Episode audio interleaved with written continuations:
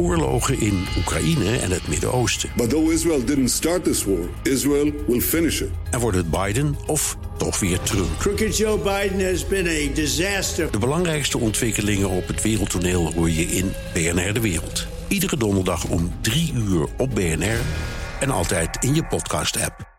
Dit is een Welkom podcast van BNR nummer 80, Nieuwsradio. Jubileum. Ja, jubileum. nog 20 en dan is de grote 100. En ze, de- we, we, we praten over de honderdste. Dat, ja, dat weet jij nog niet. Maar de honderdste live in de Melkweg of zo. Of in Paradiso. Mensen bij elkaar. Ik ben het warm vuurtje aan het stoken. Lijkt me geweldig. Maar er moet nog heel veel gebeuren. Dus mensen, alsjeblieft organiseer het. Want oh, als ik dat zelf ook nog moet doen. De gast is Jan, Jan Hogeboom. Jan, welkom. Ehm, jij bent CEO en founder van NL, NLIX. Ja. Dat Maar je is- draagt geen stropdas. maar je draagt geen en je hebt een korte broek aan. Dat vind, ik- ja, dat vind ik wel mooi. En eh, ik heb je uitgenodigd. Ik ontmoet je bij een Equinix event. En, eh, dat, daar, en de- daar intrigeerde je me. Want, je, want jij hebt een internet exchange. Daar ben je CEO van. Ik wil alles weten over de geschiedenis van internet exchange. Waarom is Nederland weet je, zo beroemd? En wat het verkeer wil ik allemaal. Daar gaan we deze keer over hebben. Maar je vertelde, dat was eigenlijk de trigger. Van internet exchanges die verdwijnen. En je bent CEO van een internet exchange. En dus je bent het niet aan het beschermen. Nee, je bent jezelf aan het laten verdwijnen. Dus oh dat- ja? Oh, doe je dat ook actief? Want dat had ik er nog niet in gehoord. Nee, nee, ik ook nog niet. Maar ja, nou, maar dat- is dan Of de laat eerste je het vraag. toe? Ja, nou, laat je het toe? Nee, wat, wat er gebeurt is dat die markt ontzettend aan het veranderen is. En de incumbent internet exchanges, de exchanges zoals ze al 25 jaar bestaan en die eigenlijk bijna niet veranderd zijn, Ja. die bestaan over drie jaar niet meer. Alleen wat je moet doen is je moet je aanpassen. Je moet gaan zorgen dat je gaat aanpassen op wat er wel nodig is in de markt. Ja. Dus datgene, dat trucje wat we al 25 jaar lang hebben gedaan, ja, dat trucje kan je niet zomaar nog weer jarenlang doorzetten. Oké, dat is een, een, een, nou ja, dit is een cliffhanger van je welst. Want Ja. we gaan we straks natuurlijk hebben van waar is het over drie jaar. Maar we gaan gewoon rustig terug. Nederland, 25 jaar terug, internet exchanges. Hoe ontstond het hier? Hoe kwam dat? Wat gebeurde er? Geschiedenis. Eh, heel veel heeft te maken met de geografie van Nederland. Eh, eh, telefoniekabels. Als je die van Amerika naar Europa wil leggen, dan is Nederland een hele logische plek om die dingen te laten landen. Want je kunt ze in Engeland laten landen. Maar als je dan de rest van Europa wil bereiken, moet je nog steeds ergens over water heen. Dus historisch gesproken kwamen er heel, heel veel telefoniekabels in Nederland uit. En toen internet zich begon te ontwikkelen, En dat was ook gewoon in Amsterdam. Want Amsterdam nou, eigenlijk Zandvoort, eh, bij de Zandvoort. kust. Daar Ja. kwamen ze gewoon binnen. Ja, die komen gewoon echt uit de zee vandaan, komen die omhoog. Dat is nog steeds zo. Dat is nog steeds Ja, zo. ja, maar- Ja, je kunt ook gewoon die, die plek die kun je bezoeken. hè, dat beeld mij. vind ik zo mooi. Ja, ja, ja, Ja, ja. dat is een prachtbeeld. Het is Ja, net alsof daar dan iemand in een duikerpak Ja. eh, met een data onder zijn arm uit het water In feite gebeurt dat wel. Ja, er komt een groot schip en die legt die kabels en die komen dan daar, eh, daar aan land. Ja. Ik heb ook een keer een, een kaart gezien, ehm, waar, ja, die staat in een boek dat ik ooit eens gemaakt heb. Ehm, waarin dat voor heel Europa staat. Allemaal plekken waar dan datakabels aan land komen. En dat is op allerlei plekken in Europa. Is dat toch ook in België bijvoorbeeld? Ja, ja, er zijn van die actuele kaarten welke zeekabels op dit moment allemaal live zijn en hoe die gebruikt worden. En dat waren koperen kabels Dat waren toen. nog koperen kabels. En toen internet zich begon- begon te ontwikkelen, met name in Amerika. In eerste instantie gingen we vanuit Nederland gingen we inbellen. Gingen we met zo'n modem gingen we over een telefonielijn gingen we inbellen naar Amerika. Ja. Nou, op een gegeven moment stonden die modems eh, 24 uur per dag open. Dus dat was een hele dure grap. Dus mensen wilden vaste verbindingen. Mensen wilden een lijn huren eh, naar Amerika. En vanuit heel Europa ontstonden een aantal eh, initiatieven die zich concentreren in Amsterdam. Dus je had voor de zakelijke wereld had je NL-net en EU-net. Nou, EU-net was zo'n verzameling van al die nationale netwerkjes. Die kwamen allemaal naar Amsterdam. En gingen ze vanuit Amsterdam samen met een kabel naar Amerika. Maar dat was huren die kabel. Van wie was die kabel trouwens? Van Nederland- telefoniemaatschappijen. Gewoon eh, KPN, AT&T, AT&T, eh, KPN, eh, dat soort Verizon, noem ze allemaal Ja, maar op. ja, ja. En dan hu- huurde die partij die net noemde, huurde dan... Een analoog eh, lijntje. De- de- twee En- analoge kabeltjes. En was die lijn over? Hadden ze dat... Hadden ze nee, Ja, er liggen dan een aantal kabels in de zee. Ja, en dus daar werd wat lijnen gehuurd. Alleen heel snel toen dat gebeurde. Nou, diezelfde lijnen werden ook voor de researchnetwerken gehuurd. De researchnetwerken kwamen ook allemaal in Amsterdam. En gingen vanuit Amsterdam de plas over. Ja. Alleen heel snel nam die vraag zo toe. Dat die telefoonmaatschappijen zeiden. Ja, we moeten iets nieuws leggen. prijs omhoog. Nou, ja, dat ook. ja. Maar we moeten wat nieuwe kabels gaan leggen. En ja, laten we dat dan niet meer op ouderwetse koperkabels doen. Maar laten we dan glasvezelkabels neerleggen. Want dan kunnen we veel meer capaciteit doen. Ja, welk jaar? Ja, dat is over een wat langere periode gebeurd. Dus het is vanaf 20 jaar geleden naar 10 jaar geleden, werd, zelfs 30 jaar geleden al werden de eerste kabels gelegd. Dus het Ik is heb nog een hele- hele- gefaseerde- Suffe technische vraag. Want ik weet dat een van de voordelen van glasvezel boven koper is dat je eh, glasvezel veel minder vaak hoeft te versterken. Ja. Hè? Dus daar ligt een transatlantische koperen kabel. Ja. En heeft hij dan elke paar honderd meter een versterker zitten? Ja. En een stroomvoorziening En- voor die versterker? Hetzelfde geldt nog steeds met glasvezelkabels. Die worden, worden eigenlijk meegeshield in de kabel en die worden eh, gewoon afgezonken. Dus zo'n schip heeft een hele grote rol met kabel. En die rolt die kabel af en die zakt zo eh, naar de oceaanbodem toe. Ja. En de stroom gaat dus- gewoon mee. Om Maar er zitten versterkers dus in. Ja. Er Ja. zitten dus Ja. toch ook een hele hoop koper in om die versterkers van stroom te voorzien. Klopt, ja. Ja. Maar Raar beeld, hè? ja, beeld maar even hoe, eh, ja, hoe groot is dat? Hoe, dus op de bodem van de zee Ja. gaat niet stuk. eh, Nee, dat wordt, eh, waar nodig wordt het, of het ligt heel erg diep, of waar nodig wordt het verzwaard op gevaarlijke plekken met stukken met steen eroverheen. Dan hebben ze een soort machine die daar dan nog steen overheen legt. Eh, en dan wordt pro- geprobeerd de meest efficiënte route te kiezen. Dus waar de, de oceaanbodem niet al te diep is. Ja. Eh, eh, vroeger was dat het belangrijkste. Nu is latency het belangrijke. Dus nu worden voor nieuwe kabels die worden gelegd, wordt gekeken. Ik moet de allerkortste route hebben met de laagst mogelijke afstand in milliseconden. Om van de kust, de ene kust naar de andere kust te kunnen komen. En nu even, we hebben het nu- alleen maar de Atlantische Oceaan, maar dat is natuurlijk overal. Over, overal. Ja. overal. Ja, alleen er is een heel groot zwaartepunt tussen de Verenigde Staten en Europa. Er loopt gewoon heel erg veel verkeer. Ondertussen natuurlijk ook Azië naar de ja, Verenigde Staten. precies, dus- Ja. Maar het is wel grappig wat je vertelt van die latency. Want voorheen was dus eh, blijkbaar het leggen van de kabel was de grootste kostenfactor. Ja. En dat is veranderd. Nu is eh, die latency, hè, hoe snel het verkeer kan zijn, is de grootste, Nou, is- belangrijkste financiële factor. Dus mag die, het leggen van die kabel wat duurder Ja, zijn. nou, het is nog veel als- erger. Het is eh, eh, de, de flitshandelaren. Die Ja, hebben oh, zoveel belang bij lage latency. Dit Dat- gaat over beurs. Ja, ja, ja. Beur- beurs, ja, die hebben zoveel belang bij de lage latency. Want op het moment dat jij net een fractie sneller bent dan je concurrentie, kan je sneller handelen. wonen. Kan je goud geld verdienen. Dat ook. Ja, dat is dat ene boek van eh zo'n flits eh, van die gast die heel erg beroemd is geworden, dat boek. Dus een speciale kabel hadden aangelegd tussen Chicago en New York. Ja. Maar Ja, ga- ga door. dat verhaal. En Ik ben het boek even kwijt, die naam, maar we weten wat, wat we De grap is dat die, die lage latency is zo belangrijk dat wat ze nou doen met zo'n kabel is dan verkopen ze die lage latency delen van de kabel verkopen ze voor goudgeld aan de financiële bedrijven. Dan zetten ze een grote rol met een paar kilometer glasvezel op de kust neer. En de gewone mensen, zoals jij en ik, die een glasvezel willen kopen, die komen dus op die rol en die hebben dus een 5 milliseconden lagere latency, een hogere latency. Dus, want als je, als je iedereen die lage latency geeft, ja, dan kun je dus geen premium meer vragen voor de kabel. Wat is dit Dus je geeft de, de financiële mensen geven de laagst mogelijke latency. En de rest van de wereld betaalt minder. Maar ja, die hebben dan een hogere latency. Maar dat is dus via zeg maar Amsterdam, Londen. Nee, Amsterdam rechtstreeks naar Amerika. Maar, kijk, maar- maar bijvoorbeeld Frankfurt moet dat ook, ook rechtstreeks Frankfurt. vanuit, nee, Frankfurt gaat vaak om via, even via Amsterdam. financieel. Maar dat is Daarom toch is Amsterdam, een, ja, Ja. is Amsterdam dan een gunstige plek om te zitten met je financiële bedrijf. met je Als het flitshandeltjes. om dit soort Als je, dingen nou ja, kijk, het punt is natuurlijk, weet je, Frankfurt heeft zijn eigen zwaartekracht, zijn eigen zwaartepunt. Er zitten zoveel bedrijven bij elkaar dat je natuurlijk heel veel graag ook naar Frankfurt wil kunnen komen. Maar inderdaad, op het moment dat je vanuit Frankfurt wil handelen in Amerika, ja, dan, dan kan je dat misschien beter vanuit Nederland doen. En dan rekenen ze uit, kunnen we wellicht een speciale lijn aan laten leggen. Sterker nog, dat gebeurt. Er wordt gewoon miljarden uitgegeven aan Ah, het leggen van zo'n zeekabel. Dit is toch een wereld waar wij niks van weten? ja, ik dan niet. Maar gaaf. Oké, we gaan door. Ha- waar- waren we nu? We waren dus naar Amsterdam. Hè. Die analoge lijnen werden vervangen door fiber glasvezellijnen. Ja, en die kwamen in eerste instantie vaak in Amsterdam ook uit. Dus er zijn in die tijd heel veel kabels aan de Nederlandse kust aangelegd. Eh, dat maakt Nederland dus aan zich aantrekkelijk. Want als je dan als Amerikaans bedrijf naar Europa komt, denk je, nou ja, waar zal ik eens gaan staan in Europa? Nou, laat ik eens in Amsterdam gaan staan, want dan zit ik in ieder geval dicht bij die hele dure kabel. Dus daar hadden we een enorm voordeel. Maar het is natuurlijk ook een ecosysteemwerking.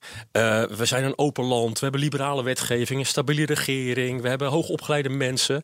En we hadden op dat moment ook eh, de markt opengebroken in, in Nederland voor glasvezels. Dus we hebben KPN heel veel pijn gedaan en dat is in die zin goed geweest. Want we hebben heel veel glasvezels in Amsterdam aangelegd. We hebben heel veel capaciteit neergelegd in Nederland.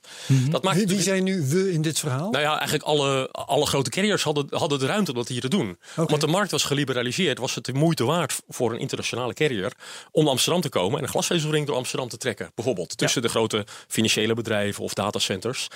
Dat heeft uiteindelijk natuurlijk de, de, de capaciteit vergroot en de prijs enorm gedrukt. Gedrukt, ja. Dus dat, dat is een component van het ecosysteem waarom Amsterdam zo heel erg aantrekkelijk was. Ja. En eh, nou ja, het een versterkt het ander natuurlijk. Dus uiteindelijk eh, blijft was het centrum. Zit in die, eh, in die glasvezel nog een verschil in, dus rechtstreeks, latency is dus rechtstreeks. Ja. Zit er nog in, in de manier van andere glasvezel, andere glas... Ja, Nou ja, de, de, de ontwikkeling daarin gaat natuurlijk steeds verder. Dus in het begin had je glasvezel met een paar aders en dan kon je een bepaalde capaciteit op kwijt. noemen ze ook getallen? Ja, eh, kijk, nu kun je op moderne glasvezels eh, eh, kun je soms zelfs 144 aders op hebben, dus 144 stukjes glas hebben. Op iedere ader kan je in theorie 80 kleuren licht maken, 80 verschillende kleuren licht maken. En op iedere kleurlicht kun je tegenwoordig 400 gigabit capaciteit laten lopen. Ja, dit vind Dus ik je mooi. kunt- dit. Je kunt dus gigantische capaciteit kwijt nu op zo'n glasvezel. Ja.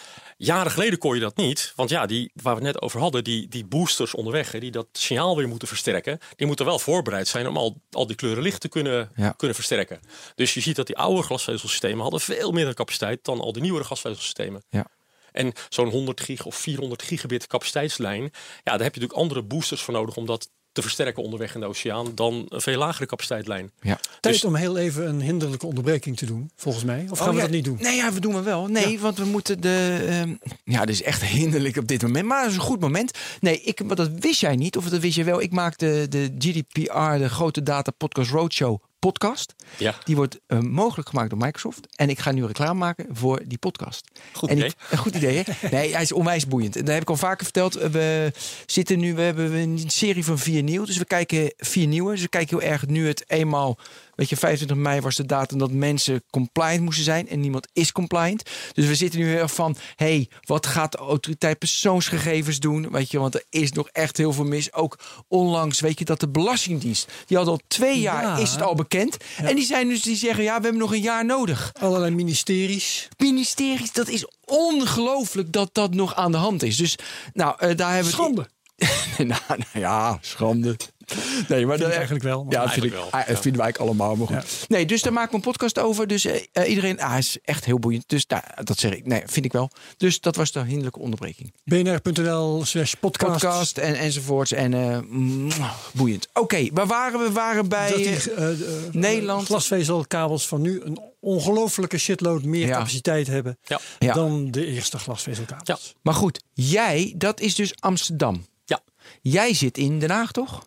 Nee, ons, ons bedrijf, ons kantoor zit in Den Haag, maar ons netwerk zit over heel Nederland heen. We zitten in allerlei Leg dat datacenters eens uit. van- Ja, Dan leg moeten we denk ik beginnen met eh, hoe eh, AMSX, de, de Nederlandse Ja. internet exchange, hoe die in elkaar zit. Ja, in jouw bedrijf is daar een reactie op eigenlijk. Eigenlijk wel. Ja, nou, ik ben zelf een tijdje voorzitter geweest van het bestuur van Amsix. Ik heb daar wat beperkingen gezien en daarop in reactie gezegd... nou, laten we een andere exchange beginnen en net even anders doen. Wat waren die beperkingen? Of was Nou, je nou, eerst- even ja, AMSX. ja, Eerst ja, even ja, uitleg, ja. ja. De, de, toen het tijd begon zich dat te ontwikkelen, die markt. eh, er gebeurde van alles. En eh, ja, dan wil je daarop aansluiten die kabels. Dan moet je ergens je spullen kwijt. Je servers kwijt, je, je netwerkapparatuur kwijt. En de datacenters zoals we die nu kennen, die waren er eigenlijk nog niet of nauwelijks. Dus heel veel is hier toen in het Science Park terechtgekomen. Daar heb je, eh, had je SARA, een academie. Ja, Amsterdam, het Science Park. Amsterdam is Science Park. historisch zo gegroeid ook, denk ik. Hè? Ja. Volgens mij die Piet, hoe heet die ook weer? Piet Beertema van Beertema CWI. was het. Ja, Die heeft daar gewoon voor het eerst een draadje aangesloten en een knopje omgedraaid. En toen had Nederland internet. Ja, eh, grofweg wel. Ja, Ja. ja. Nou ja, en alle partijen die dus iets wilden met internet, trokken naar die plek toe. En gingen hun servers bij zo'n SARA en een NICEF, het eh, Instituut voor Kernfysica, er neerzetten. Ja. Alleen, ja, dat- die groei was zo fenomenaal dat er ineens allerlei commerciële partijen, Telecity, Equinix, eh, allerlei andere partijen de markt in kwamen. Zeiden van, nou, ik ga ook zo'n groot datacenter bouwen. En zo zijn er dus in Nederland, eh, en met name in Amsterdam, echt tientallen, tientallen van die enorme datacenters gebouwd. En ook dat helpt natuurlijk in het ecosysteem. Want ja, als je, een- als je kant-en-klaar zo'n gebouw hebt waar je spullen neer kan zetten, maakt het nog aantrekkelijker om, Ja. eh, om hier naartoe te komen. Alleen, wat krijg je op het moment dat op Science Park dan tientallen partijen staan? Hè, toen de tijd, een van Access for All was een van de eerste, Surfnet was een van de eerste. Die hebben zoiets van, ja, maar het is een beetje zonde dat we nu ons verkeer, als, als iemand een mailtje stuurt van Access for All naar Surfnet, dat we dat via Amerika gaan laten lopen. Dat is veel handiger als we dat hier lokaal uitwisselen. Nou, in eerste instantie zijn mensen op een heel dik stuk ethernet, ethernet is vroeger nog een hele dikke kabel, in gaan pluggen. En dan gingen ze daar maar wat verkeer met elkaar uitwisselen. Alleen op een gegeven moment al zoiets van, ja, dit is toch niet zo heel erg schaalbaar. Dus uit dat initiatief is eigenlijk Amsix eh, tevoorschijn gekomen. Van nou laten we nou eens met elkaar onderling verkeer met elkaar gaan uitwisselen eh, op een stukje ethernet. Eigenlijk op een ethernet switch zoals je thuis ook hebt staan. Dus AMSX was een, eigenlijk een eh, clubje van belanghebbenden, van, Ja. van stakeholders zeg je tegenwoordig. Ja. Die eh, gezamenlijk gingen optreden om dat soort onderlinge verbindingen mogelijk Ja, te maken. en in het begin was dat heel, alleen maar vrijwilligerswerk. Nou, we gaan met z'n allen zorgen het mogelijk is. Later is het een stukje geprofessionaliseerd en hebben ze de diensten zijn uitbesteed aan Surfnet. Surfnet ging op dat moment de exchange beheren. En er kwam op een gegeven moment een vereniging die dan ja, de boel aanstuurde, om het zo en te zeggen. De regels. is weer het netwerk van de universiteiten. Ja, Ja. ja. En eh, op een gegeven moment ja, werd ook daar de vraag, eh, ook bij een Amstix, eh, zo groot. Er kwamen zoveel klanten, er gebeurde zoveel. Dat je dat met alleen maar vrijwilligers niet meer kon runnen. Dus op een gegeven moment zijn die gaan. In, in die periode ben ik ook voorzitter geweest van Amstix. En En we nu is een jaartal? dit is geweest 98. Oké. Ja. En eh, hebben we gezegd, nou ja, dan moet je professionaliseren. En dan moet je er eigenlijk een BV van maken. En wat mensen kunnen gaan aannemen. Zodat je dat op professionele manier kan gaan doen. Maar dan is het natuurlijk ook het eh, geld. Dus, eh, want dan moet je professionaliseren. Nou, dus- voor die tijd werd al, werd al betaald. Betaalde iedereen die deelneemt, nam, betaalde al een stukje geld om die switch te kunnen betalen. En het beheer van die switch te kunnen betalen, et cetera.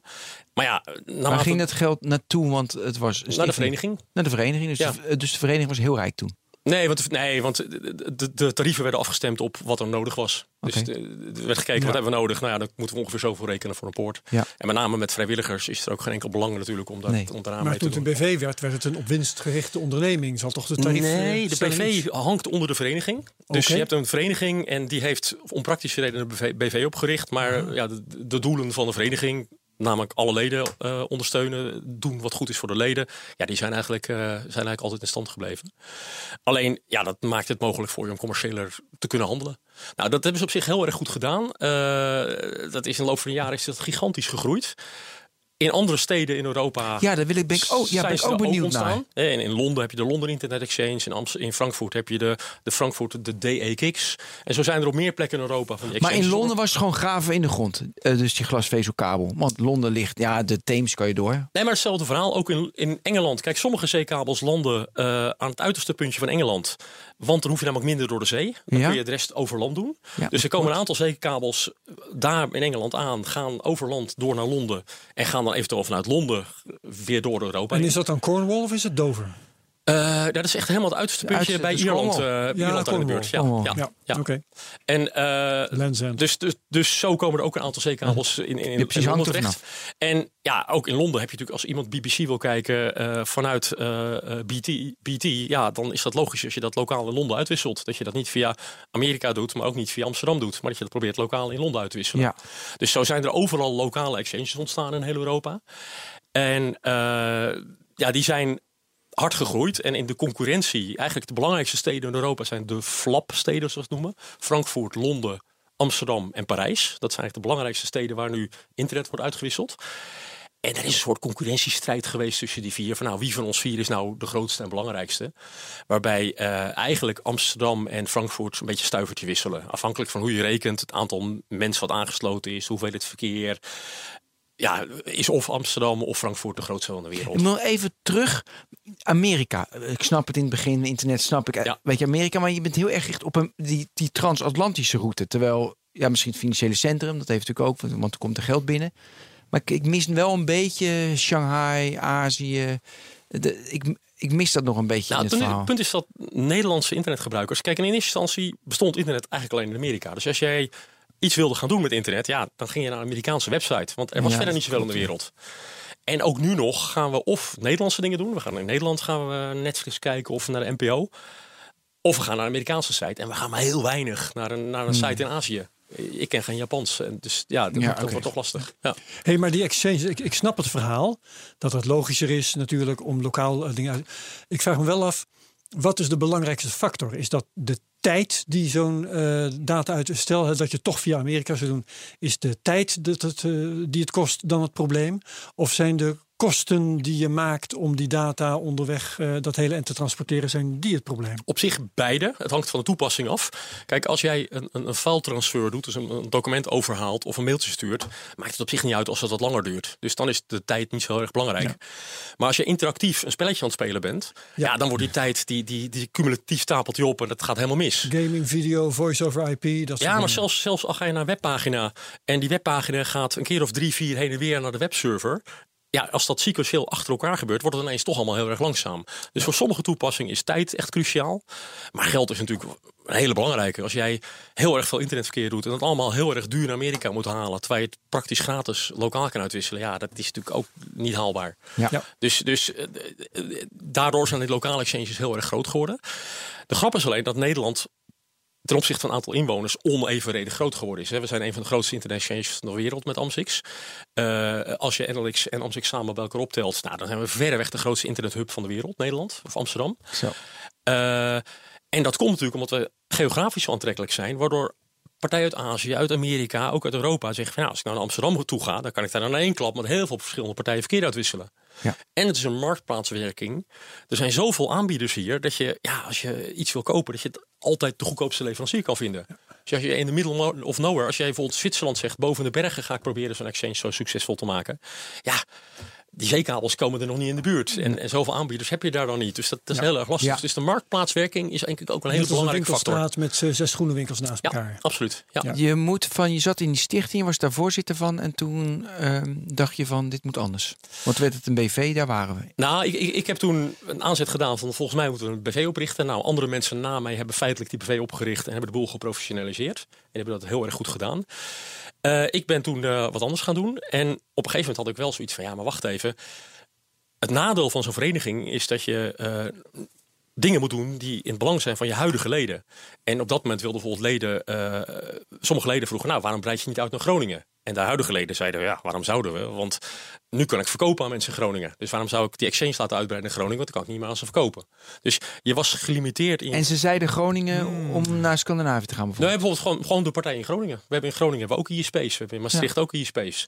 Dus die exchange was geconcentreerd in een paar gebouwen in Ja. Amsterdam. En de bestaande leden die hadden hele goedkope internetuitwisseling. Dus die hadden geen belang om dat heel veel uit te gaan, uit te gaan breiden.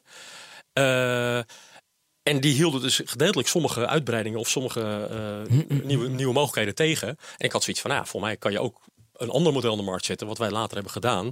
Van nou, we gaan gewoon naar zoveel mogelijk datacenters. We brengen die internet exchange zo dicht mogelijk bij de klant, waardoor het makkelijker is om aan te sluiten. En in praktijk bleek dat we daarmee een andere doelgroep, heel veel kleinere partijen ook aans- aanspraken. Als jij in Groningen staat, is het natuurlijk een best wel een dure grap om helemaal naar Amsterdam te gaan met je capaciteit, met dure huurlijnen en, en dan Amsterdam aan te sluiten. Dus ja, als je het dan lokaal in Groningen kan oppikken, dan is dat een stuk goedkoper.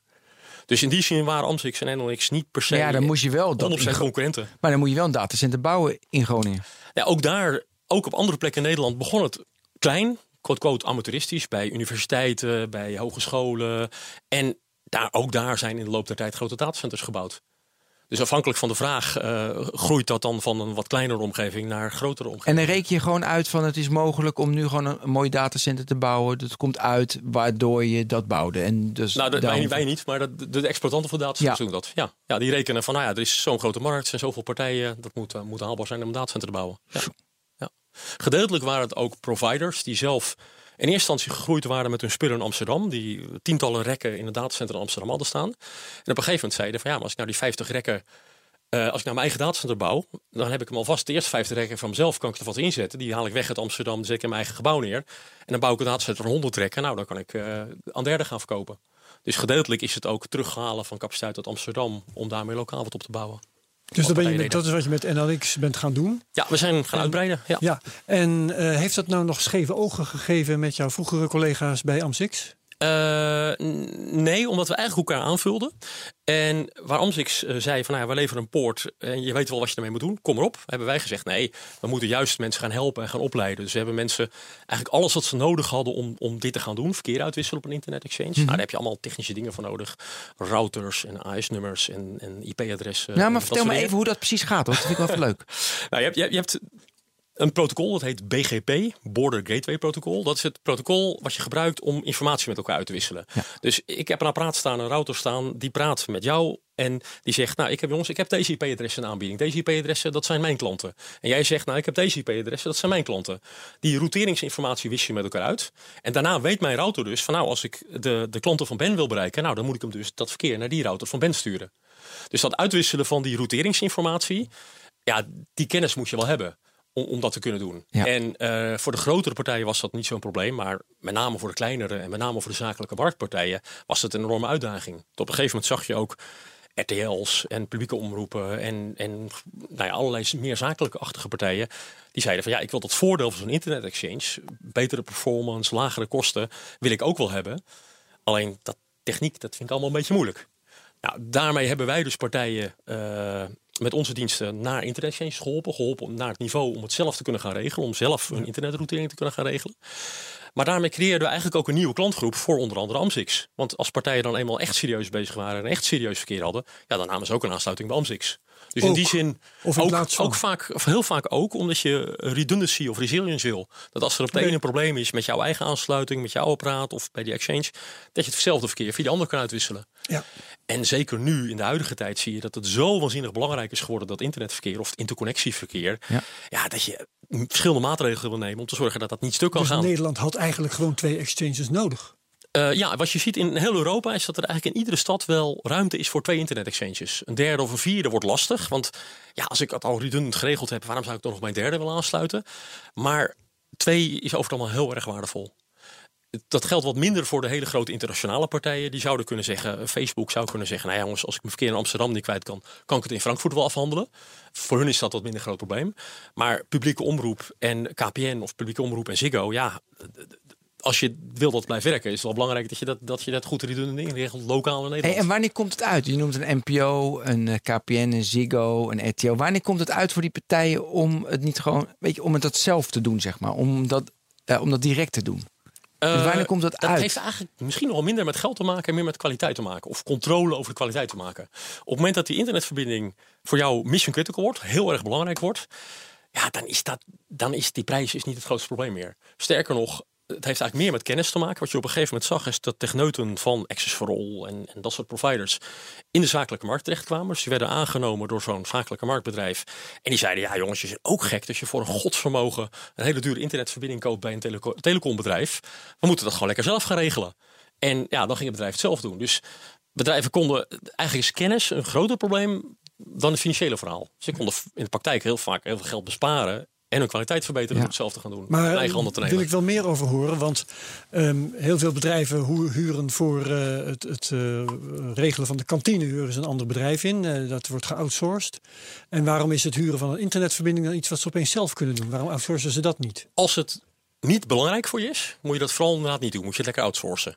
Alleen wat je ziet is als jij. eh, als internet heel belangrijk voor je wordt, je bent RTL en je gaat ineens over internet, ga je je televisieuitzendingen verspreiden of je radio-uitzendingen verspreiden, dan wordt die internetverbinding heel erg belangrijk voor je. Heeft iets met afhankelijkheid te maken? Eh, Ja, kwaliteit. nou, wat is de impact is als het stuk gaat? Ja. Wat is de impact als het niet werkt? Of als het te langzaam is? Of als het heel erg duur wordt? Als jij jaren geleden begon met ineens eh, eh, radio uit te zenden over internet. Nou, als je dat op de traditionele manier had gedaan, had je eh 5000 euro per luisteraar kwijt geweest of zo. Dat was gewoon onmogelijk.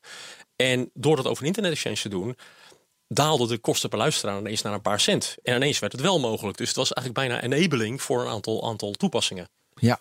En eigenlijk zie je dat dat nu nog veel meer met, met nou, daar komen we misschien later nog op digitale transformatie. Naarmate de, de interconnectie met allerlei verschillende partijen, met name de cloud-applicaties, steeds belangrijker wordt voor jou als bedrijf, ja, wordt het nog steeds belangrijker om dit zelf onder eigen controle te nemen. Zullen we naar cloud gaan? Dat vind ik ook wel leuk. Nou, ehm, ik, ik ben nog wel verder benieuwd naar de, eh, de geschiedenis van NLX. Want in welk jaar heb je het ook weer opgericht? Wij zijn gestart in eh, 2001. Ja, En eh, we zijn in eerste instantie in Nederland begonnen. In Nederland, eh, ja, eerst in Amsterdam en, en dieper Nederland ingegaan. En we zitten ondertussen op 45, 50 plekken in Nederland, in datacenters. Dus overal in Nederland kunnen we lokaal eh, klanten bedienen. Alleen op een gegeven moment had we iets van, ja, maar Nederland... Op een gegeven moment ben je daar natuurlijk ook uitgegroeid. Eh, dus we zijn er in eerste instantie België bij gaan trekken. eh, eh, en uiteindelijk nog een aantal steden. Dus we zitten nu in iets van 100 datacenters in 25 eh, steden in 15 landen in Europa. Ja. Dat betekent dat je in Stockholm kunt aansluiten en verkeer kunt uitwisselen met iemand in Marseille. Of je kunt in Londen aansluiten en verkeer uitwisselen met iemand in Sofia. En jij zorgt dus dat als RTL dan zelf wil dat je dus in de datacenter dat ze zelf die connectie krijgen. Dus dat Ja. is eigenlijk wat je, dat is de kern van wat je doet. en heten jullie overal. NLX? Ja, ja, ja. ja we, hebben, Dat Duitsland geweldig, hè? We hebben nagedacht om, eh, om NL wat anders van te maken. En Ja. moest je dat introduceren. Wat er wel gebeurd gebeurd is dat ooit stond NL voor Nederland en IX voor Internet Exchange. Ondertussen staat NL voor Neutral en eh, IX staat voor Interconnect Exchange. Goed bedacht. Dus we hebben de, de interpretatie van de naam wat veranderd. Maar ja, en toen kwam KPN langs. Ja, ja, ja. KPN 2011, die, eh, Oh, heeft toch tien jaar geduurd. dat heeft een hele tijd geduurd. En die heeft zich op een gegeven moment beraad van oké, maar alles wat er in die datacenters gebeurt, hebben eigenlijk we hebben geen idee. Het zijn allemaal van die grote datacenters, worden ieder jaar voor tientallen miljoenen van die gebouwen bijgebouwd. En we hebben eigenlijk nauwelijks een vinger in de pap. We hebben geen idee wat daar, wat daar allemaal gebeurt. En ja, daarom was het voor KPN eigenlijk interessant te zeggen, nou ja, we willen in ieder geval een vinger in de pap hebben wat daar, wat daar gebeurt. Niet zozeer om daar iets mee te doen, maar ja, dat als het echt belangrijk wordt voor KPN, dat we in ieder geval een beetje voeling hebben met wat daar in die markt gebeurt. Uh, we zijn dus ook na de overname door KPN zijn we heel erg onafhankelijk gebleven. Ze hebben heel goed begrepen dat als je ons groen verft en, en helemaal KPN maakt, ja. dat dan Ziggo's en allerlei andere internationale... Dat deed mij, toen ik dat las, deed mij dat heel erg denken aan het model van Access for All. Die zijn ook door uh, KPN overgenomen. Ik weet niet meer precies wanneer het was. Uh, ergens in de 90s geloof ik. Met behoud van identiteit of zo'n ja. soort bewoording. En dat, uh, dat klinkt hier ook uit. Ja, het, het, voordeel wat wij nog hebben. Kijk, bij Access is er natuurlijk aan de voorkant is dat heel belangrijk. Aan de achterkant kan je natuurlijk wel allerlei synergieën halen met andere access providers van KPN. Bij ons is het redelijk branchevreemd vergeleken met wat de rest ja. van KPN doet. Dus het is ook commercieel gewoon zinvol om ons stand-alone ons eigen ding te laten doen. En uh, nou, dat is ook eigenlijk de afgelopen jaren altijd gebeurd. We rapporteren onze cijfers en verder doen we ons eigen ding. Kunnen we compleet onafhankelijk uh, opereren. Je wordt niet lastig gevallen met nieuwe doelen van het hogere management? Of nou ja, kijk, de dingen als GDPR uh, komen natuurlijk zeker bij zo'n groot telecombedrijf is dat waanzinnig belangrijk. Dus die komen ook bij ons langs. Hetzelfde geldt voor security. Dus je moet een aantal dingen die je als kleine onderneming misschien niet zo goed had ingeregeld, moet je nu wel gewoon echt heel erg goed inregelen. Daar heb je last van. Maar ja, goed, dat is ook terecht natuurlijk. Ja. Ja. Ja, ja, Maar ja, alleen maar financieel en dan natuurlijk dat het uh, GDPR en privacy is belangrijk. Maar eigenlijk, ze kijken alleen maar financieel. Geen learnings eruit van we moeten het uitbrouwen, weet je, breiden, stimuleren om nog harder te groeien. Ja, wel degelijk. Kijk, ja. natuurlijk hebben we, praten we met elkaar we kijken, oké, maar de kennis die wij hebben, hoe is dat dan handig voor een bedrijf als KPN? Waar zou je, uh, wat voor kennis hebben wij? Wat voor rol moet KPN in de toekomst spelen en wat voor rol kunnen jullie daarin uh, in vervullen? Ja, aan de andere kant, uh, kijk, KPN is natuurlijk een, een, een, enorm schip, om het zo maar te zeggen. En zo'n enorm schip, een paar graden van koers veranderen, is al een, een enorm ding. Dus ja, wij geven onze input, we proberen bij te dragen daarin. Maar je moet niet verwachten dat wij als klein bedrijfje ineens KPN op een compleet andere koers, uh, nee. koers zetten. Nee. En, en ook andersom. Natuurlijk praten we uh, met KPN als, als klant zijnde en leveren we bepaalde diensten. Maar ja, wij behandelen KPN eigenlijk als al onze andere klanten. Ja. Wij zeggen ook heel vaak tegen KPN: ja, jongens, we hebben nog uh, 600 zoveel klanten naast KPN. gebeurt wachten. Ja, nou ja, gedeeltelijk wel. Kijk, het is een goede klant, ze betalen mooi, maar ja, we hebben nog 600 klanten die ook een belang hebben. Ja. Wil je even die, uh, dus datacenters, daar, uh, dus er staan spullen. Toen, dus cloud is natuurlijk ook een datacenter. Maar wil je daar even meer over vertellen hoe die verandering erin kwam? Wat er toen gebeurde? Ja, wat, wat, nou ja, kijk, aan de ene kant zou je kunnen zeggen, cloud uh, uh, heeft hosting weer hip gemaakt. Dus uh, een nieuwe term voor hosting. Ja.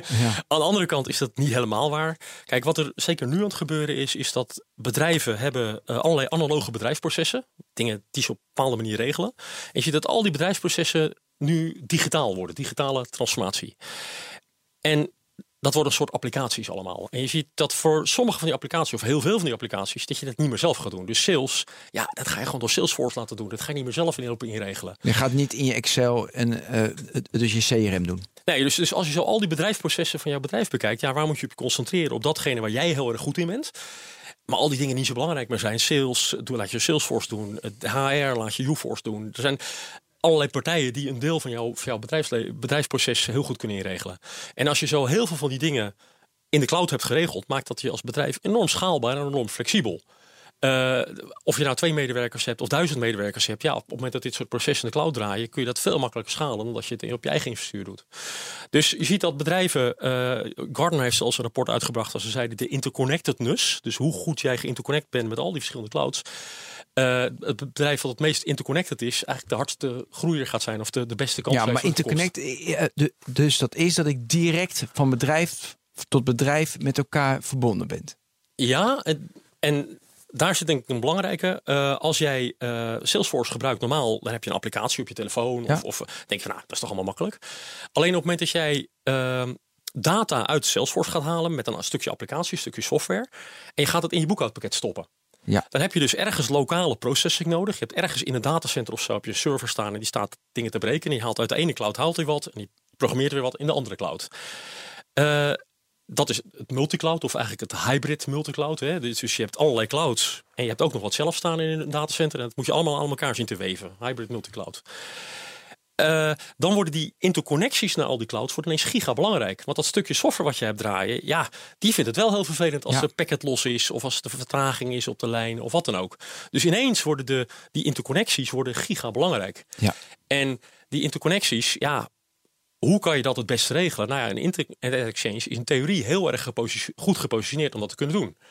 Want op een internet exchange zou je naar allerlei verschillende andere bedrijven, je leveranciers, je klanten, uh, cloud applicatieleveranciers, zou je heel makkelijk van die hele betrouwbare interconnecties kunnen maken. Ja, en dat is dus. Kun je even nog een voorbeeld met Salesforce? Weet je een stukje dat je dan moet veranderen naar een ander? Dus heb je drie clouds. Ja, uiteindelijk heb je er misschien wel vijf of tien.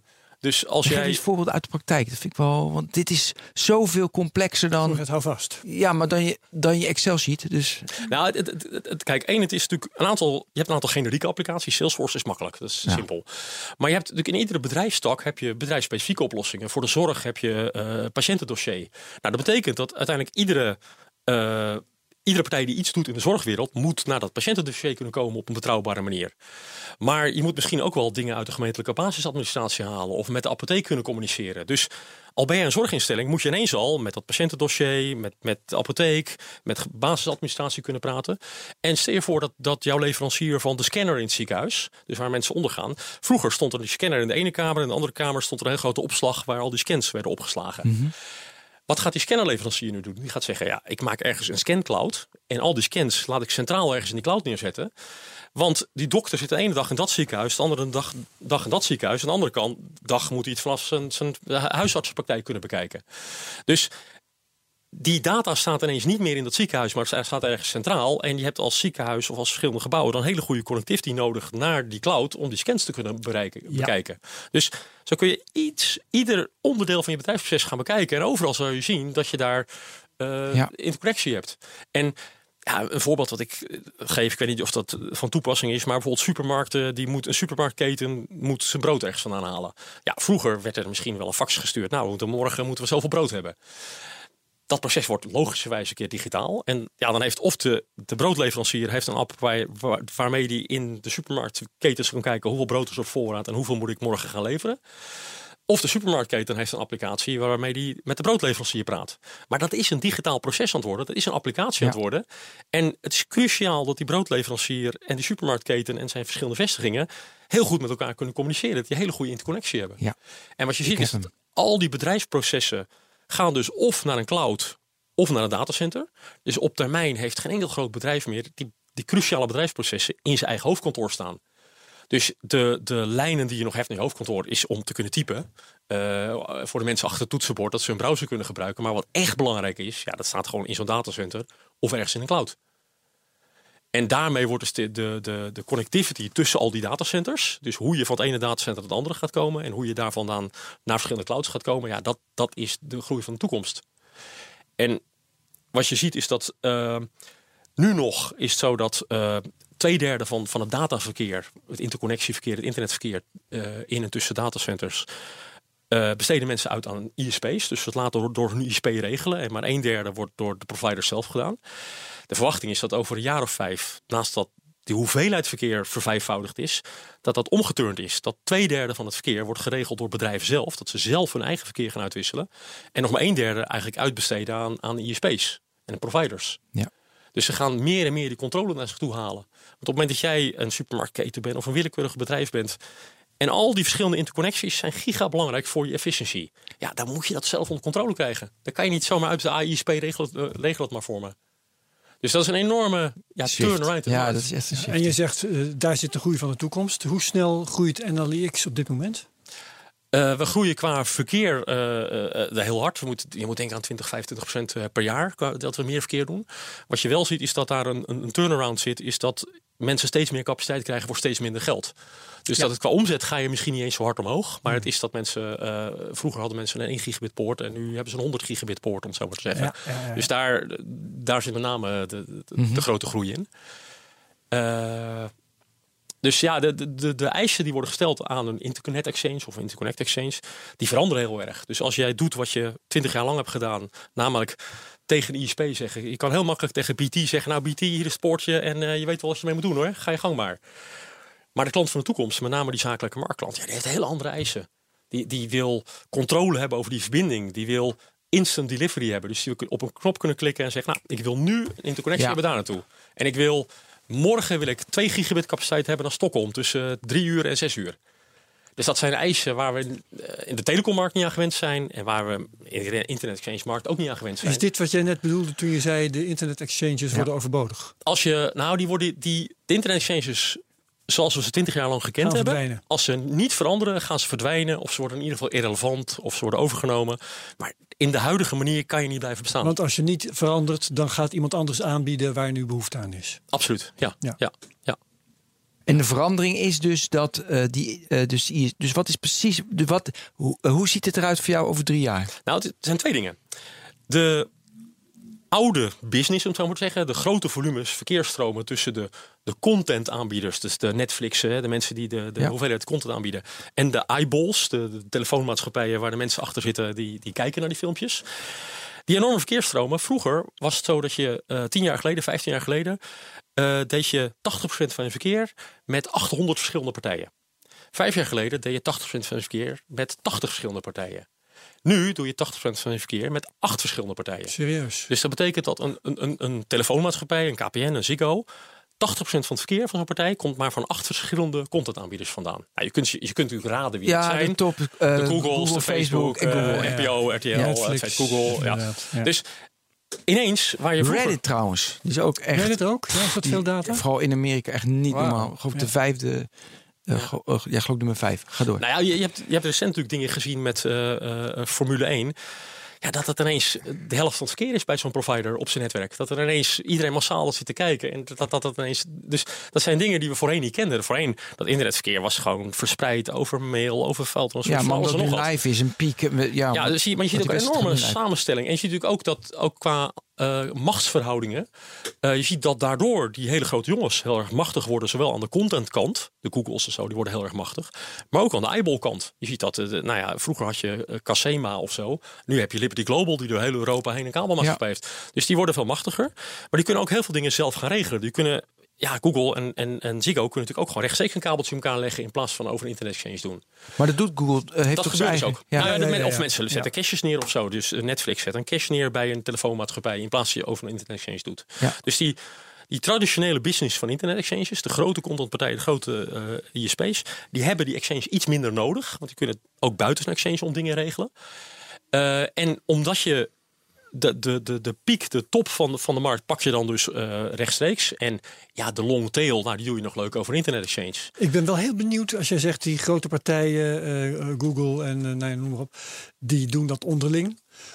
Hoe werkt dat dan? Gaan ze dan inderdaad van Mountain View naar, naar Seattle, gaan ze een geul graven en leggen ze daar een kabel in? Nee, Hoe heel moet ik me simpel. dat voorstellen? Heel simpel, Netflix, Google hebben ergens hier in een datacenter in Nederland hebben ze hun spullen staan. Ze hebben een enorme ruimte met eh, tientallen, honderden racks waar, waar hun data op staat. Als zo'n telefoonmaatschappij in de buurt zit, nou, dan leg je gewoon een rechtstreeks kabeltje tussen die telefoonmaatschappij en dat datacenter. Eh, of je legt van het ene datacenter naar het andere datacenter een kabel. En zo maak je een, een private interconnect, zoals dat heet, tussen Google en zijn telefoonmaatschappij. En dat kan ook als je maar naar acht partijen zo'n kabel hoeft te leggen. Als je dat naar 800 Ja. partijen moet leggen, ja, dan dat wordt hopeloos. Dat is het idee van een exchange, dat dat dan niet hoeft. Dat hoeft niet. Ja. Maar door die enorme concentratie van Ja. de grote verkeershoeveelheden is het ineens haalbaarder geworden om rechtstreeks die kabels te leggen voor de grote jongens. Ja. Dus in sommige gevallen is het eh, nou, een beetje pluggen, maar in andere gevallen moet je wel degelijk ga- gaan graven.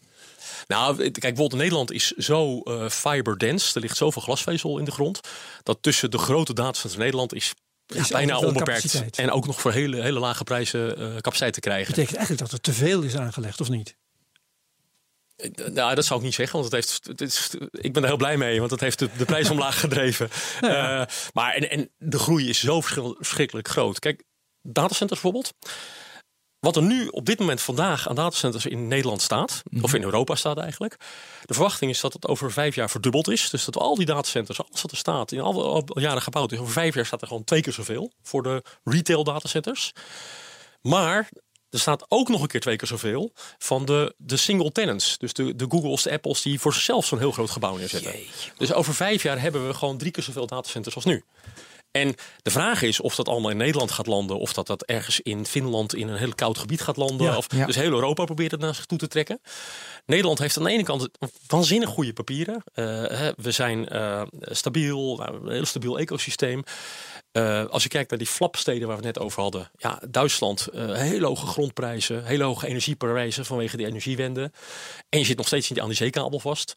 Londen leuk, maar we hebben net een brexit. En, en Londen is de, de dus dat is een gevecht, is dat? Dat is een gevecht waar Nederland op zich heel goed gepositioneerd is. Alleen nou, de recente discussies misschien meegekregen, is dat zeker rondom Amsterdam ook de energie schaars begint te worden. En daar, zit natuurlijk, daar zit dus een gevaar voor die groei. Ja, als we de energie niet hebben. Wat wordt er allemaal gedaan om het efficiënter te maken? Want verdubbelen, verdubbelen, verdubbelen, verdubbelen, dan lopen we op een gegeven moment spaken.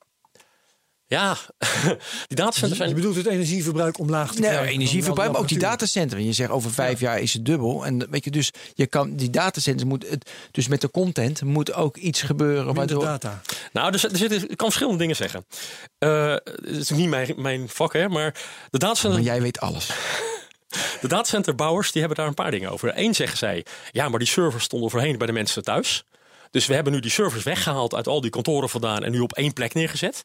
Nou, dat is een enorme efficiëntieslag. Want op één plek kunnen we veel efficiënter koeling, noodstroom regelen. Dan dat al die kantoren dat allemaal zelf kunnen regelen. Dus zij zeggen het is alleen maar efficiënter doordat we het op één centrale plek doen. Die datacenters hebben een gigantische ontwikkeling doorgemaakt in de afgelopen 20 jaar. Dus die zijn aan zich waanzinnig veel efficiënter geworden. Gebruiken free-to-air cooling. Dus dat betekent vroeger koelden ze alles met een airco met heel veel energiegebruik. Nu gebruiken ze een heel groot deel van het jaar de buitenlucht om te koelen. En alleen als het echt niet kan, op hele warme dagen, nou, dan gaan ze daar stroom voor gebruiken. Dus die, die datacenters, juist door die concentratie, hebben ze wel efficiëntie kunnen bereiken. En de grote jongens als Apple en Google ja, die, en Microsoft, die hebben natuurlijk zelf ook belang bij om het zo efficiënt en goedkoop mogelijk te doen. Dus er zijn wel verschillende drivers. Maar geen technologie die je in ontwikkeling nu ziet komen. Jawel, jawel, jawel. Ja. Google en Microsoft zijn heel actief bezig met uh, efficiënte manieren van koeling bijvoorbeeld. Maar ook het omlaag krijgen van, uh, van uh, de energierekening, zuinige processors. En het gebruik van duurzame energiebronnen ook. Ja. Ja. Dus maar aan de andere kant, wij met z'n allen stellen zoveel vragen aan die grote jongens. We willen zoveel willen we van ze dat ja, zij moeten servers bij blijven plaatsen. Wij zitten natuurlijk met z'n allen 4K, massaal 8K. Ja, nou ja, bijvoorbeeld ja, en maar we zitten ook massaal online uh, nou ja, streaming uh, ja. dingen te, te, luisteren of te bekijken. We zitten spelletjes te spelen online. We zitten online te shoppen. Dus ja, we zijn met z'n allen zoveel vragen aan het creëren. Is dat de schuld van die grote jongens? Of ja, doen wij dat met z'n allen? Nee, maar ik wil weten welke ontwikkelingen doen waardoor het weet je, als je een 4K, 8K, dat heeft, dat heeft gevolgen. Daar, uh, dus wat voor technologische ontwikkelingen zijn en schooling en, en, uh, en dat, weet je, dat de processoren, dat die efficiënter worden. Ik zocht meer naar dat soort Ja, dat, dat gaat dus wel hard omhoog. Alleen op dit moment gaat de vraag eigenlijk nog harder, harder, omhoog. Daar zal een eind aan zitten. Er zal ja. op een gegeven moment zal er een punt zijn dat we genoeg infrastructuur hebben staan. Ja. En, en dat we misschien zelfs een keer terug kunnen. Maar voorlopig zit er al. Kijk, de verwachting is dat er in de komende vijf jaar dus iets van 90 miljard geïnvesteerd gaat worden in Europa in datacenters. Ja, de vraag is.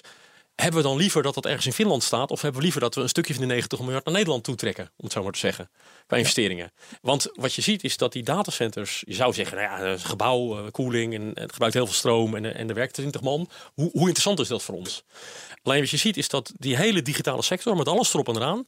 Was in 2015 uh, ruim 100 miljard van uh, revenue ging daar om. Dus iets van 8% van ons bruto, bruto nationaal product. En iets van 345.000 mensen werken ergens op een of andere manier gerelateerd in deze sector. Dus ook de, de Coolblues, de, al die partijen. En het is een sector die hard groeit. Dus als je dan kijkt naar allerlei andere sectoren in de Nederlandse economie die niet zo hard groeien of waar we niet zoveel mogelijkheden hebben, deze sector trekt natuurlijk enorm veel groei aan.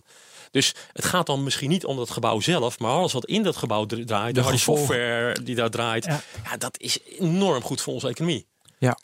Dus het zou zonde zijn om dat als Nederland te, te, te laten lopen, om het zo maar te zeggen. Ja. Nou, er zijn natuurlijk partijen buiten Nederland, eh, buiten Amsterdam, die zeggen, nou, misschien moeten we een deel van de groei laten overlopen. Hè, net zoals we met Lelystad eigenlijk ook doen. Ja. Groningen heeft uh, een stuk uh, heel groot Google datacenter aangetrokken. Ja, want het energieprobleem, dat is vooral uh, in de directe omgeving van Amsterdam volgens mij. Ja, klopt. Ja, ja. Nou ja, kijk, het probleem is, we zijn bij Energienet zijn we gewend om dat aan te leggen en 15 of 20 jaar van tevoren te plannen. Dus men heeft verzonnen, uh, nou, we gaan een hele dikke kabels aanleggen en dan hebben we, nou, dan kunnen we jaren vooruit. Maar vervolgens komen die datacenters zo snel binnen dat het ongeveer op is de stroom voordat die nieuwe kabel aangelegd is. Dus ja. dat proces is gewoon niet gebouwd om mm -hmm. even, even snel binnen een jaar een nieuw kabeltje ja. bij te leggen. Ja. Maar ja, je hebt sneller een datacenter dan een energiecentrale, stel ik me voor. Ja, sterker nog, een aantal van die datacenter-exploitanten die zeggen, maken daar een unique selling point van. Wij kunnen binnen zes maanden kun je draaien. We bouwen en binnen zes maanden kun je een heleboel draaiend hebben.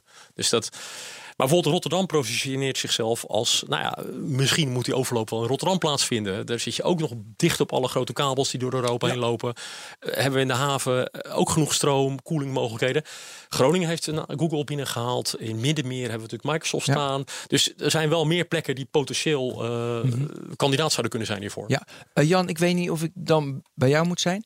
Maar ik kijk op YouTube een filmpje. En die staat dan hier lokaal in Nederland. Anders moet ik helemaal naar Amerika, logisch. En eh, met peer-to-peer. Dus als Herbert dat filmpje kijkt. Dat hij eerst inderdaad, hij haalt het uit Amsterdam. Want daar staat hij. Maar dat dus zeg maar een video peer-to-peer. Kan ik dan dat... eh, weet je, peer, wat was het? Peer 5 doet dat. Dus zeg maar een peer-to-peer CDN. Kan ik bij jou zijn? Zie je dat zitten? Gaat dat gebeuren? Dus ik heb lokaal op mijn eigen computer thuis iets staan. En als jij iets wat heel Ik denk. Ik, ik denk dat. eh, iets wat heel veel wordt gebruikt, dan ja, kijk, het punt is een beetje: die grote contentboeren hebben het zo efficiënt ingericht nu. ja. eh, dat ze, eh, ze, ze hebben gelaagde caches. Dus ze zeggen, nou, ze hebben bij een telecomboer hebben ze een, een cache staan. Ja. Daar hebben ze de meest gevraagde content op. En als andere content ineens meer gevraagd wordt, nou, dan voegen ze dat toe aan die cache. En gooien ze wat anders wat minder gevraagd wordt uit die cache. Dus die zijn al heel erg slim in dat diep doen. En die willen eigenlijk dieper nog die telefoonnetwerken in. Dus die zouden liever niet alleen maar in Amsterdam of zo staan, maar, maar dieper in die telefoonnetwerken staan om die content nog dichter bij die klant te gaan brengen.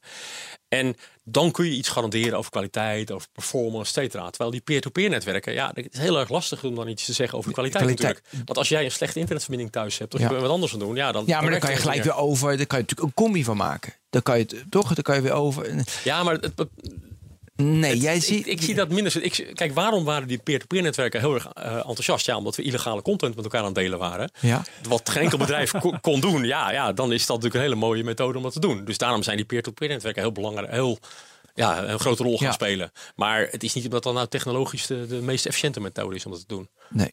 Moeten we niet even terug hebben naar. ehm, ik wil even. Dus jij zei die rol wordt anders. Ja. Ja. Kun je me nog een keer vertellen in, in kort hoe jij eh, over drie jaar, over vijf jaar, hoe dat nou precies eruit ziet? Want we Eh, gingen weer nou, een beetje verder. Ik wil hem even concreet hebben.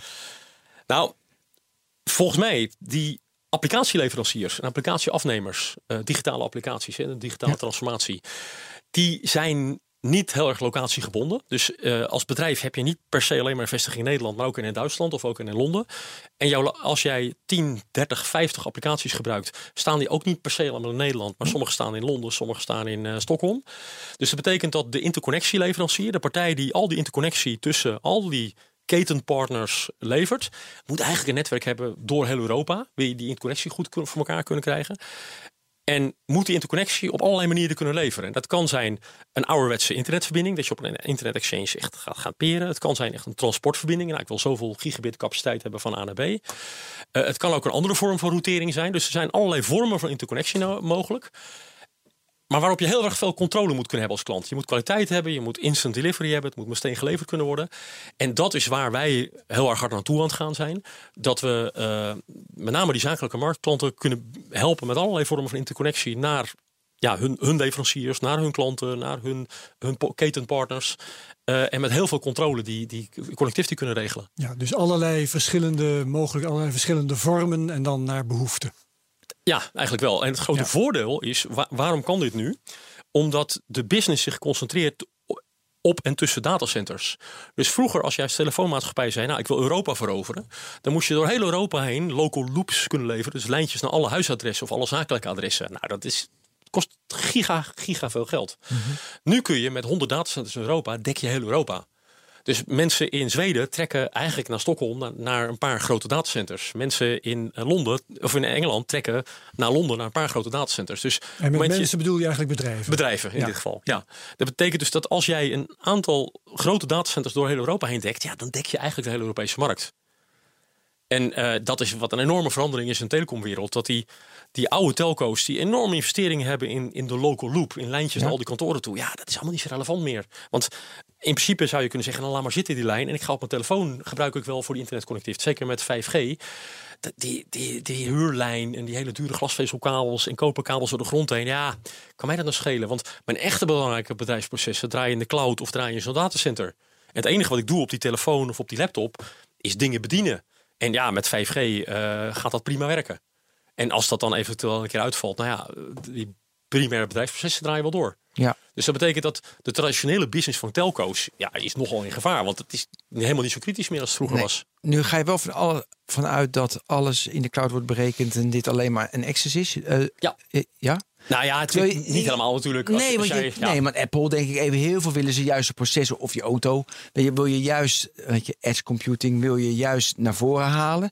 Want je kan niet alles daar doen. Eh, hoe zie je dat? Ja, graag je mee. Ja, aan de ene kant wel. Kijk, wat je natuurlijk ziet is met eh, eh, allerlei sensoren.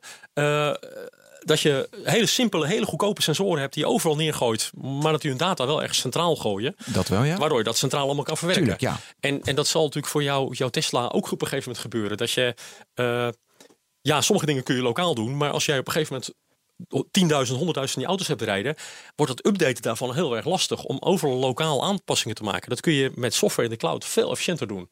Dus die dingen die snel moeten kunnen veranderen, ga je toch ergens centraal doen. En waar je analyse over grote hoeveelheden data wil kunnen doen, dat is toch handiger om centraal te doen dan lokaal in je Ja auto. dus, ja, dus het hangt per case af. Eh, dus, je, eh, dus je Face ID, ik zit een beetje. Ja. eh, dus dat is natuurlijk lokaal. Want ook voor de security is dat makkelijk als dat lokaal Nou, ik, ik, ik kan nog een voorbeeld geven. Ik weet op een gegeven moment nog, jaren, jaren geleden, hadden we Facebook op de ene laptop staan en wilden we ook op de andere lap- laptop Facebook. En dat was toen in de tijd dat je dan de CD gebruikte of dat je eventueel een USB-stick gebruikte of zo. En op een gegeven moment iets van, ja, maar ik ben ook gek ook. Ik kan natuurlijk ook op die andere computer gewoon Facebook gaan downloaden. Of fe- Facebook, eh, de browser Mozilla toen. Ja. Eh, Mozilla Firefox.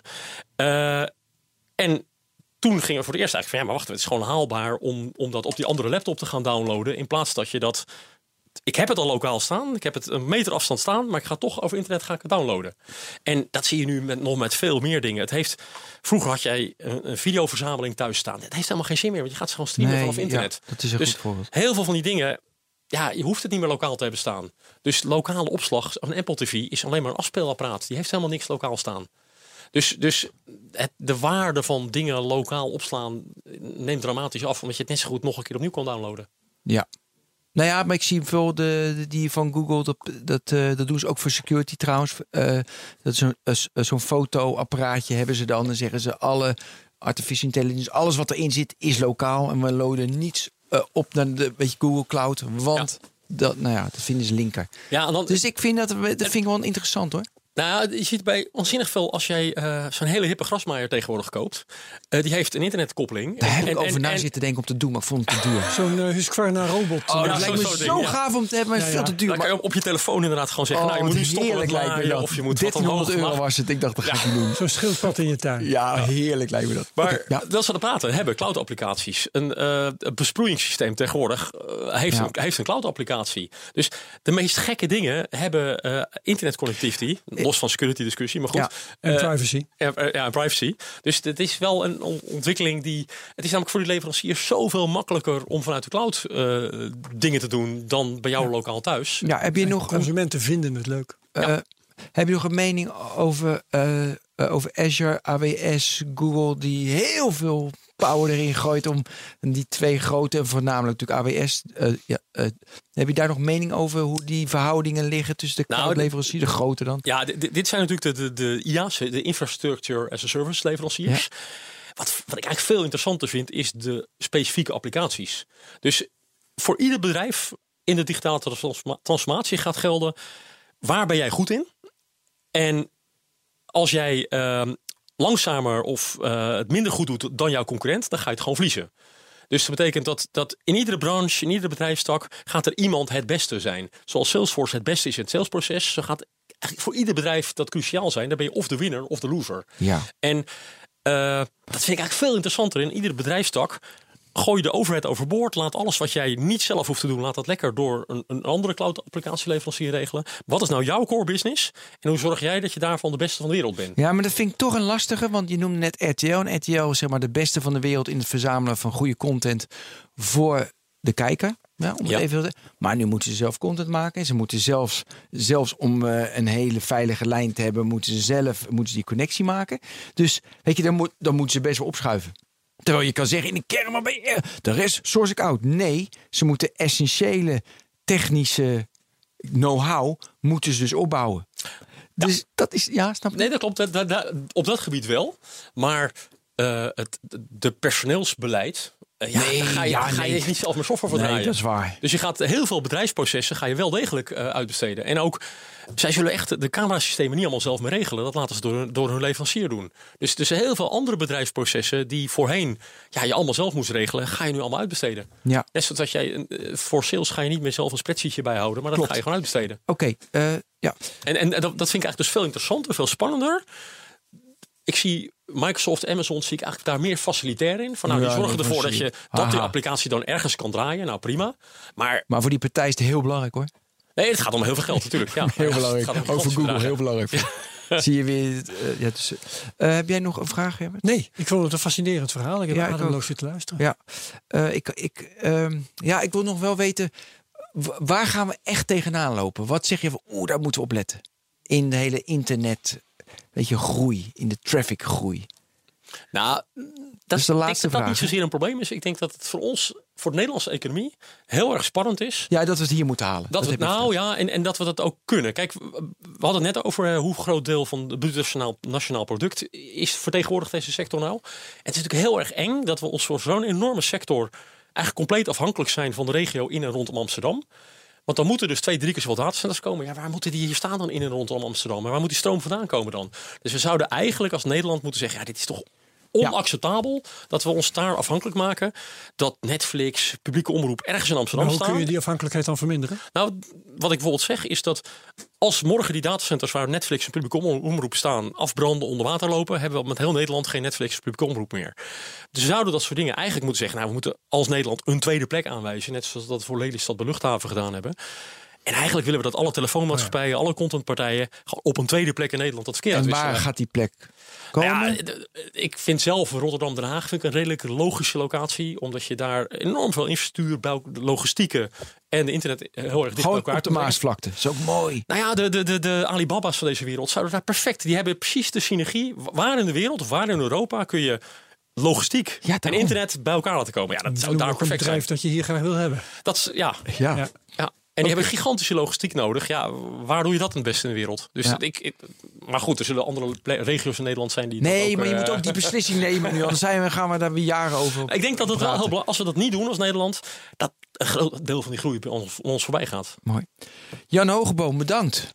Genoten, dankjewel. Uh, Herbert ook bedankt. Ben van den Burg, bedankt. Dit was Technoloog nummer 80. Tot de volgende Technoloog.